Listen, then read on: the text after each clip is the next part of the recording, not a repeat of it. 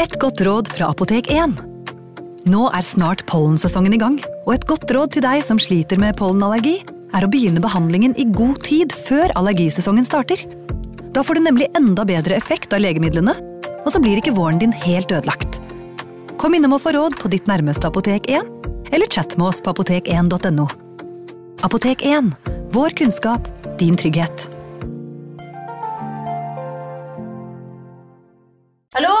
Jeg kommer fra Oslo politikammer. Ine Jansen er purk. Er du purk? The motherfucking bitch. Alt jeg vil, er å finne ut hva som skjedde med mannen min. Jon Carew. Er jeg sikta for noe? Iben Akeli. Det er du. Ole So, Lars Berrum og Big Daddy Karsten. Hvem sin side er du på, egentlig? Anette Hoff, Tone Danielsen, Kommer du fra Afrika? Jørnis Josef, Nesten kløfta. Trond Espen Seim, Det er synd å si det, men det var feil mann som døde. Purk. Premiere tirsdag på TV2 Play. Ungsamtalen fra DNB er økonomisk veiledning tilpasset deg som er ung. Bokk en ungsamtale på dnb.no. slash ung. Det er kjempebra hvis du skal inn på boligmarkedet, hvis det er drømmen din, liksom. Det er det du skulle sagt. Og så kunne du ropt litt mer, da, sånn som jeg gjorde. Bam! Advarsel. Historiene vi forteller i denne podkasten kan være fiktive og avvike fra den opprinnelige historien av dramaturgiske årsaker. Meninger og påstander i historiene reflekterer nødvendigvis ikke programledernes meninger eller virkeligheten.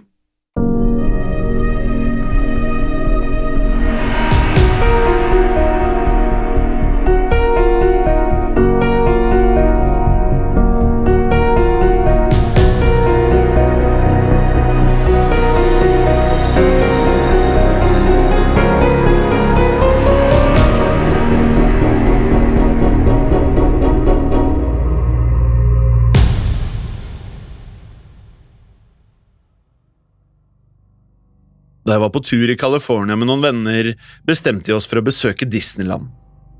For å gjøre det hele litt mer interessant ble vi enige om å bli igjen i parken etter stengetid.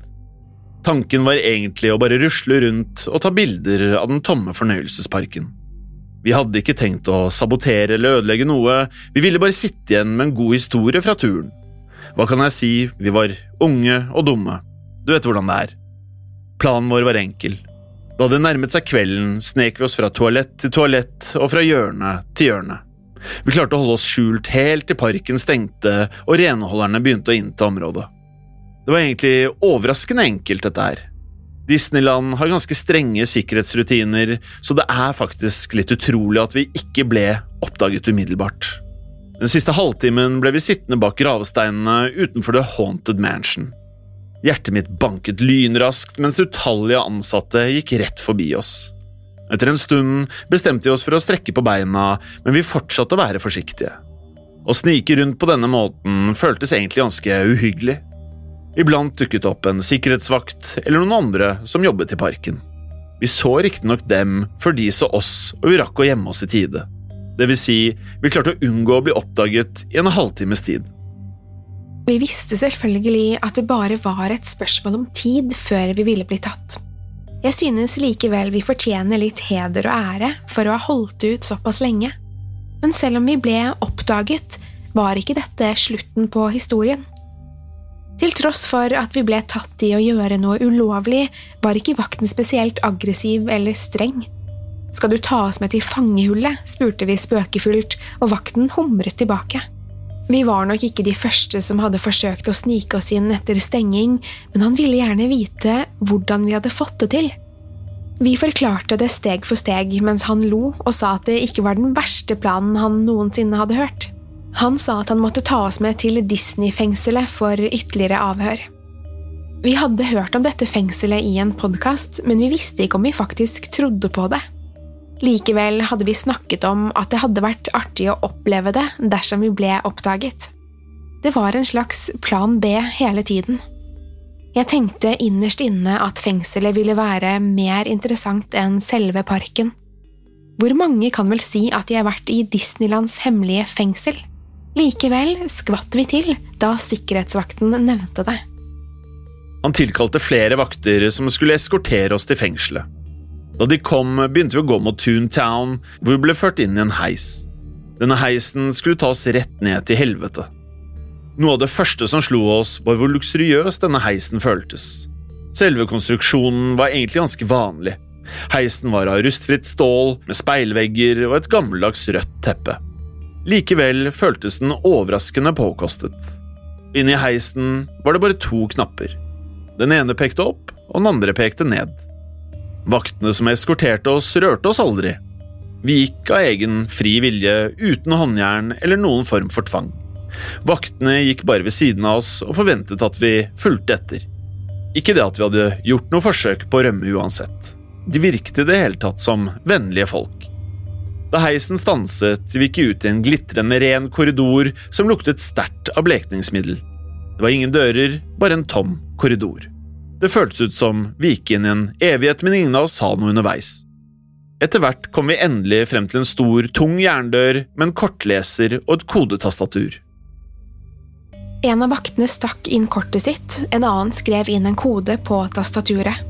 Jeg fulgte med og passet på å memorere koden han skrev inn. 121566. Jeg hadde et talent for å huske tallrekker, som venners telefonnummer og tilfeldige bilers registreringsskilt. Selvfølgelig måtte jeg memorere koden inn hit også. Det hadde nesten vært morsomt å tenke på, hadde det ikke vært for alt som hendte etterpå. De ledet oss inn i enda en korridor, men denne hadde rekker med dører på hver side. Hver dør hadde et lite, firkantet pleksiglassvindu i høyre hjørne. Korridoren var som tatt ut av et sinnssykehus fra en skrekkfilm. Det slo meg at dette ikke føltes som et fengsel. Vi fortsatte innover til vi nådde rom 1901. På innsiden var det en pult og tre stoler, én til hver av oss. De ledet oss inn og lukket døren bak seg. Som lydige små barn ble vi sittende og vente på at de skulle komme tilbake, men vi ventet forgjeves. To timer forsvant, men ingen kom for å hente oss. Kameraten min Thomas gikk bort til døren. Overraskende nok viste den seg å være ulåst, men han åpnet den ikke. Han tenkte at en vakt ventet utenfor for å passe på at vi ikke flyktet, og vi ville ikke havne i mer trøbbel. En halvtime senere gikk vi lei av å vente og bestemte oss for å stikke av. Men det var ingen i korridoren. Det var ingen livstegn der overhodet. Hallo, er du der? Våget vi oss å rope ut, uten at noen svarte. Ved hver eneste dør var det montert overvåkningskameraer, og vi lurte på om det var noen andre her i det hele tatt. Alle dørene var helt like, med unntak av numrene skrevet over. De var heller ikke organisert i noen tydelig rekkefølge, og tallene virket fullstendig vilkårlige. Over vårt rom sto det 1901, mens over døren ved siden av var det skrevet 1205. Vi vandret videre nedover korridoren uten en idé om en plan eller hva vi trodde vi skulle finne. Gunnar foreslo at vi bare kom oss ut så fort som overhodet mulig. Han mente at dersom de virkelig ville holde oss fanget, ville de komme tilbake. Vi forsøkte nok bare å skremme oss litt, mente han og nå sto de utenfor og ventet på å le av oss. Jeg begynte å bli sliten og lei. Thomas sa ingenting og bare nikket når Gunnar eller jeg sa noe. Han var mer interessert i å titte inn de små pleksiglassvinduene. Jeg ba han la være, men ingen tenker fornuftig når de er redde, og vi begynte virkelig å bli skremt av situasjonen. Kameraene så ut til å ha bevegelsessensorer og fulgte oss mens vi vandret nedover korridorene. Et lite rødt lys blinket under linsen. Det var helt stille. Alt vi hørte var hverandres åndedrag og fottrinn.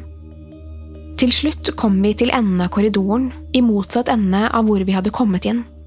Også her var det noen store dører med tastatur. Jeg forsøkte å slå inn koden jeg hadde memorert, men den var åpenbart ikke riktig her. Det kom et pip, så forsvant alle lysene og etterlot korridoren i totalt mørke. Vi ble stående musestille og lytte, og nå hørte vi alle dørene i korridoren åpne seg. Jeg har fremdeles lyden i hodet den dag i dag. Et lite knirk før de slo i veggen med et smell. Den eneste døren som ikke åpnet seg, var den rett foran oss. Et svakt lys strakk seg ut fra alle de nyåpnede rommene, vi ble stående som lamslått og var ikke helt sikre på hva vi skulle gjøre.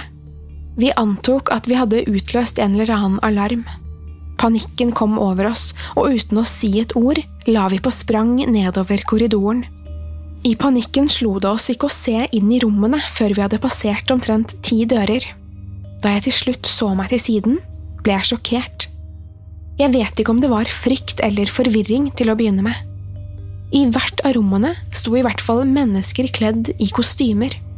Vi løp forbi Donald, Mikke, Pluto og en rekke andre Disney-karakterer som alle hadde vært låst inne i cellene. Vi brøt ut i skrik mens vi løp gjennom denne galskapens korridor. Man burde kanskje ikke se seg bakover når man løper, men jeg klarte ikke å motstå det. Bak oss forlot Disney-karakterene rommene sine. De løp ikke, men fulgte etter oss med langsomme, bestemte skritt. Det var som om de visste at vi ikke hadde noe sted å gå, og at det ikke var noe poeng i å haste seg etter oss. Thomas gråt av redsel, mens Gunnar svettet og pustet tungt. Jeg klarte ikke å slutte å titte bakover for å se om vi ble forfulgt. Og selvsagt ble vi det. Hver eneste gang jeg snudde meg, var de rett bak oss. Jeg visste ikke hvor mange dører vi løp forbi, eller hvor mange forskjellige karakterer jeg så på, det eneste jeg visste var at korridoren måtte ta slutt en gang, og at vi måtte komme oss ut. Etter å ha løpt et par minutter uten å se meg tilbake, la jeg nå merke til at jeg ikke lenger kunne se noen bak oss. Jeg kunne høre ekko fra fottrinn, men jeg antok at vi var langt foran fordi vi løp, mens de nærmest ruslet etter oss. Korridoren virket fortsatt uendelig lang. Gunnar måtte stanse et øyeblikk, ellers ville han antageligvis ha kollapset av utmattelse. Ved siden av oss var det en åpen dør der lysene var på, men rommet var tomt. Nummeret over døren var 1966, som på dette tidspunktet ikke sa meg stort. Vi bestemte oss for å gjemme oss der inne til vi hadde fått tilbake pusten og var klare for å fortsette nedover korridoren i fullt tempo. Thomas subbet utålmodig frem og tilbake. Gunnar lå utstrakt på rommet og pustet tungt. Jeg holdt utkikk ved vinduet. Men jeg verken så eller hørte noen ting. Foruten lyset fra de andre rommene var det tross alt mørkt i hele korridoren.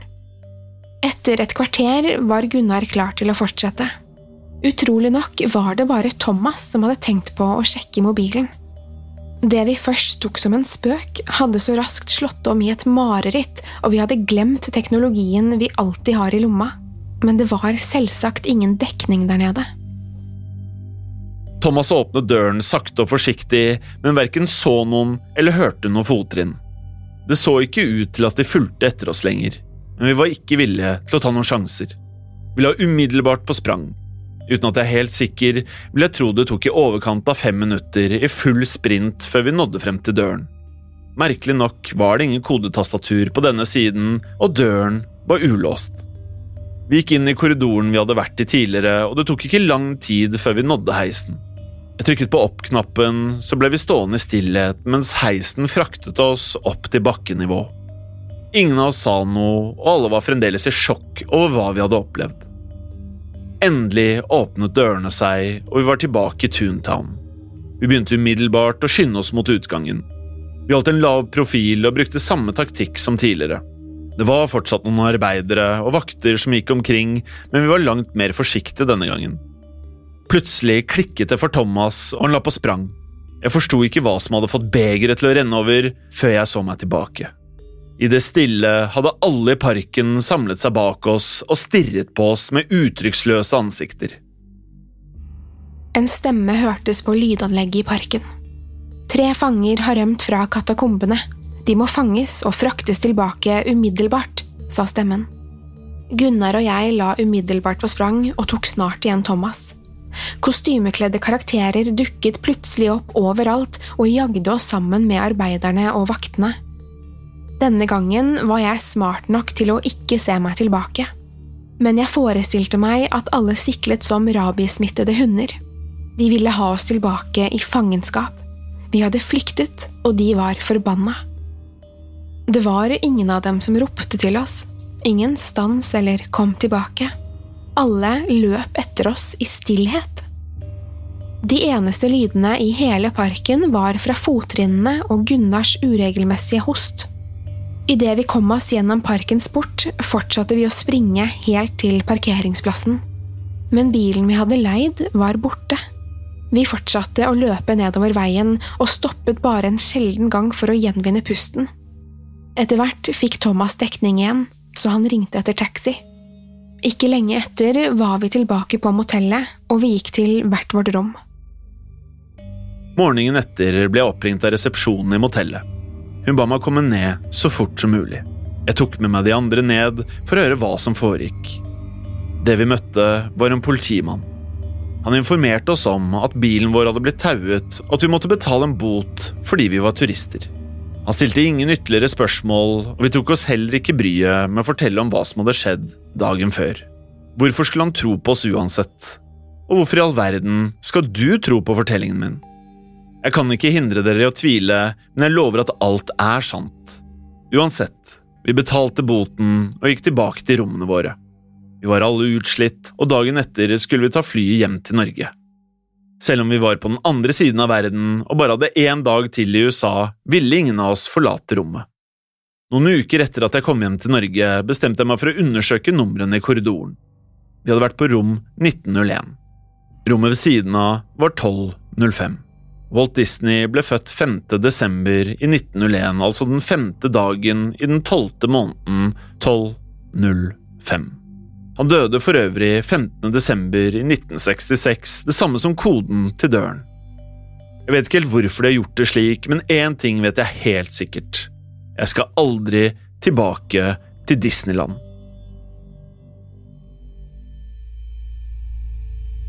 Klokken 03.00 er et helt spesielt klokkeslett. Noen tror at dette er tidspunktene åndene kommuniserer med oss. Andre kaller det for djevelens øyeblikk. Noen igjen tror at dersom du våkner på dette tidspunktet, vil det sitte noen ved sengekanten og stirre på deg. Det er mange overnaturlige fortellinger knyttet til klokkeslettet 0300, men jeg skal fortelle deg sannheten om denne myten. På ditt dypeste søvnstadium drømmer du, og mens du drømmer er du ikke lenger bevisst på dine omgivelser. Du vet ikke hva som kan gjemme seg i skapet ditt, under sengen din eller til og med under dynen din. Så våkner du plutselig. Øynene dine spretter opp, og du titter på klokken. Men det har egentlig ikke noe å si, ikke sant? Du gnir deg litt i øynene, blunker et par ganger og forsøker å få oversikt over det mørklagte rommet ditt. En kjapp orientering er alt du orker før du legger deg igjen. Men så hører du at det knirker i gulvplankene.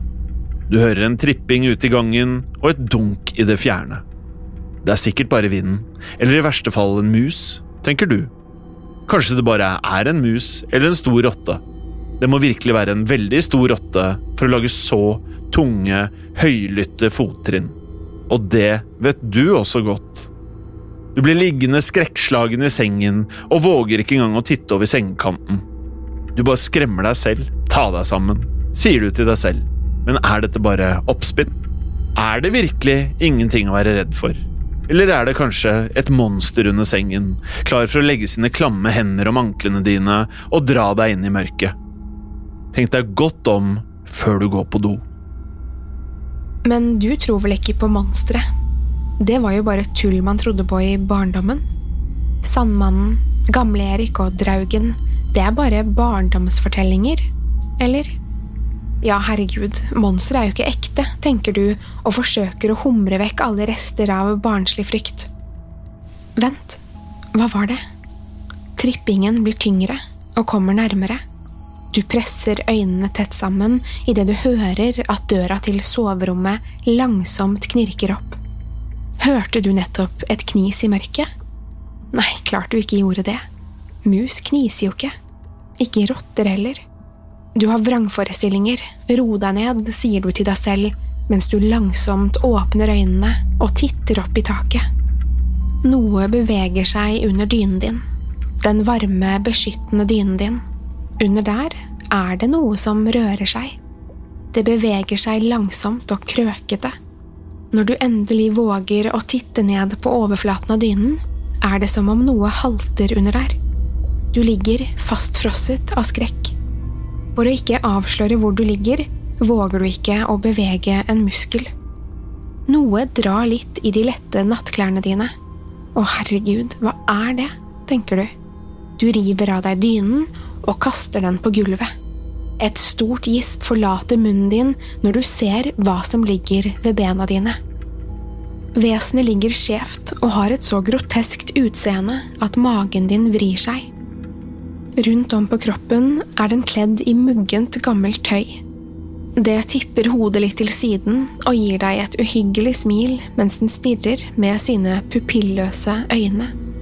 De blunker ikke en eneste gang. Langsomt dytter du deg selv opp i en sittende posisjon for å komme deg unna vesenet, men det ser ikke ut til å la seg affisere. Det bare drar seg nærmere og nærmere til det ansiktet like ved benene dine. Med armene sine løfter det seg opp på deg og begynner å kravle over hele kroppen din. Skeive, råtne tenner stikker ut av den smilende munnen. Grå hud henger i folder fra den knoklete kroppen. Det stinker verre enn noe annet du har luktet før, men likevel er det som om du gjenkjenner lukten. Lukten er råtten, men det er ikke en hvilken som helst råte.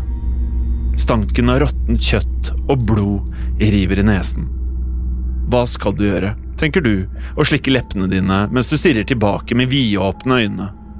Stadig kryper monsteret langsomt oppover kroppen din og kommer nærmere og nærmere ansiktet ditt. Du puster så dypt inn med nesen når du klarer, før du skriker høyere enn du var klar over at du var i stand til. Hadde du skreket lenge nok, er du sikker på at du hadde sprukket din egen trommehinne. Vesenet ser ut til å skvette litt og kaster hodet litt bakover. Så slipper det også fra seg et forferdelig skrik. Med en overraskende hastighet kaster det seg bakover til kanten av sengen, hopper og lander på gulvet med et hardt støt. Det haster til døren og forsvinner i den mørke gangen. Klokken tre kommer de små, rare tingene ut av mørket for å gjøre sitt. Da våger de å vise seg. Men ikke la deg lure. Første gang du treffer dem, er nesten garantert den siste. Dersom du kommer unna med livet i behold, kan du prise deg lykkelig. Det finnes nemlig ingen fasit for hvordan man hamler opp med dem. De er overalt. I alle hjem. I hvert eneste skjulested. Det er umulig å fastslå hvor mange som gjemmer seg i huset ditt, men det er alltid mange av dem. De følger med på deg og planlegger hvordan de skal ta deg. Det er kanskje ikke så rart at de stinker av død.